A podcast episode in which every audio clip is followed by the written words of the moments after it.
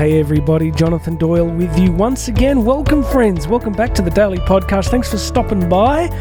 Hope, as always, we can bring you some value, a little bit of encouragement, a little bit of something that will uh, move you forward on your journey. Today, well, I'm going to jump into the topic in just a second, but as always, a little bit of housekeeping for you. Please make sure you've subscribed. It does make a big difference, makes everybody happy if you could do that. Um, I'm a big podcast fan. There's just so much great content around these days. So uh, please make sure you subscribe wherever you're listening to this. And I would love it if you could leave a review. For some reason, it just makes the magical algorithms happy. It pushes the podcast um, into more people's attention range. So if you've got a moment, I would really appreciate if you could just jump across to wherever you're listening to this, whatever platform you're on Spotify, Google. Um, podcast, Apple Music, wherever it is, and uh, leave a review. That'd be really awesome. So thank you so much if you can do that. And as always, dig into those show notes because I will have some links in the show notes. You can get free access to my book, Bridging the Gap. It's uh, it's the book that started everything for me. I want to give it to you for free. So go and hit those show notes. Go and grab free access to my book, Bridging the Gap. And there's other notes there, other links if you want to uh, book me to speak at an event um, or anywhere else, please go and check those out and um, and let's do this. You ready to jump in? Today we're going to talk about uh, something that uh, has been a challenge for me at different times in life. I want to talk about why we need to stop looking for a sign. And if that sounds esoteric to you, hang in there. I'm going to make this relevant. I've been really reading a really interesting book lately, and yesterday they there was this simple moment where it talked about the need to stop looking for a sign. And it referenced, I don't know if you've ever seen the movie Forrest Gump with Tom Hanks, but there's a scene where this sort of feather floats down and lands in his lap and it sets him off on this whole process. And the book was sort of saying we need to stop waiting for feathers to fall into our lap, which is what do they mean? They mean this that sometimes we don't take action, we don't move forward because we are waiting for some kind of cosmic sign, some kind of confirmation that the direction we are heading in is the right one. I would like to nominate myself as the undisputed champion of such things. I have struggled with this at different times in life, wanting a deep desire to not just do what I think is the right thing, but to not want to waste energy and time. I've always wanted to go, well, I'm I'm going to commit to X, but I need to know, I need a deep internal sense that this is 150% the right thing to do, and that if I go and do this, there's going to be a guaranteed result. And I think a lot of times I've got myself in all levels of confusion. Uh, somebody used to say to me, "I've always, I always need to be careful of the issue of paralysis by analysis." That I get paralyzed by analyzing things too much. So, do you ever do this? Do you ever sort of go, well, I'm going to do this action if X happens? Teaching algebra to my daughter at the moment, and there's this, you know, if X equals this, then Y, right? It's like we can get really stuck because we're not sure how to move forward. So, what I'm going to actually suggest is that the way to move forward is this move forward. The way to move forward is simply to take action and take the next viable, logical step that's in front of you. There seems to be something about action that's remarkable. I'm going to do a full podcast on the concept of action in a couple of days, so stay tuned for that. I want to go deeper into it. But as I get older in life, I realize that we don't see the full picture. We don't have a guaranteed insight into exactly the right thing to do all the time, everywhere, on every occasion. We can't know.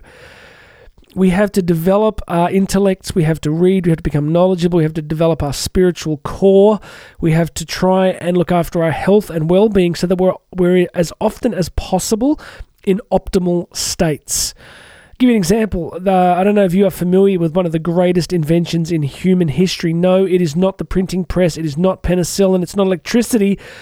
It's cookie cream commotion ice cream. Cookie cream commotion ice cream is probably the greatest creation in human history. And the reason I'm sharing this story with you is because there have been times, years ago, I haven't done this for many, many years well, I would eat a tub of cookie cream commotion. I was a bit younger. I was super active. I mean, I'm still super active, but I kind of reasoned to myself, hey, I can eat a tub of cookie cream commotion, no problem. But every time I did it, it wasn't that often. You know, don't judge me. It wasn't that often. But there would be this time when I would uh, I, I would eat that tub, and then you go into cookie cream commotion coma. You're lying there, and you're like, uh, he's like fully, you know, Barney Gumble, Homer Simpson.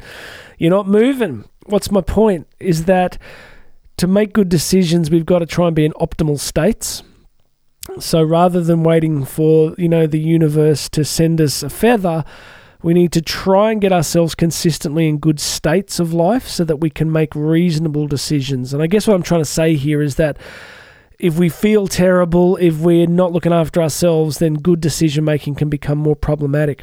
But back to the focus of today's message, I really just want to remind us and remind myself to have the humility to know that there are things we cannot know, to have the humility to know that we sometimes just have to move forward and keep going.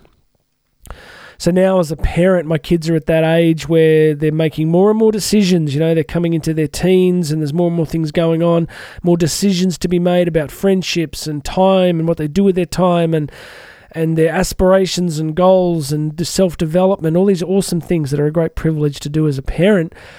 It's this awareness that, you know, they're not going to know the full path. I'm not going to know the full path. What they need to do is make the next decision, make the next choice. So, friends, I think I've probably wasted important seasons of life. I haven't fully executed at times because I've been waiting for some kind of internal clarity that didn't come or couldn't come because I just needed to get on with the business of living and just doing life itself. So, I hope this is not too esoteric and a bit too confusing. I guess what I'm saying is you get this one precious life and I am not encouraging you to be frivolous. I'm not encouraging you to be flippant about making poor decisions. I'm just saying sometimes you just have to move forward. You just got to do the next thing in front of you, whatever it is, and then the path opens. You know, I've been up since uh, about three fifty this morning, and uh, you know, I, I was lying there at some ridiculous hour, and I was thinking about many, many years ago when I was about eighteen. I applied to do a gap year, uh, a, a year overseas in England, and I researched these 36 amazing schools where I could go, and I got 35 rejections. but I got accepted by the best of them all, and it was the most phenomenal experience, and it changed my life. And I guess what I'm saying is that I just had to take action. You know, if I'd sat around and said, you know, God, universe, Magical Feathers, please send to me a message about what I should do and which school I should apply to. I just took action. I, I, I applied to 36. So maybe that's helpful for some of you today that you're stuck on a decision, you're, you're waiting for some kind of cosmic clarification. Look, do the practical stuff. Talk to the people that love you. Talk to the people that know you well. I've got a bunch of outside mentors that I can go to at any time. So do all that stuff. But then after that, just move forward because you can't know until you take action. You can't know. See, and you can always undo action, right? You can always start something and go, this is the worst decision I've ever made, and you're out of there. You can change things. You've got some flexibility. So don't be afraid to act. Take that action.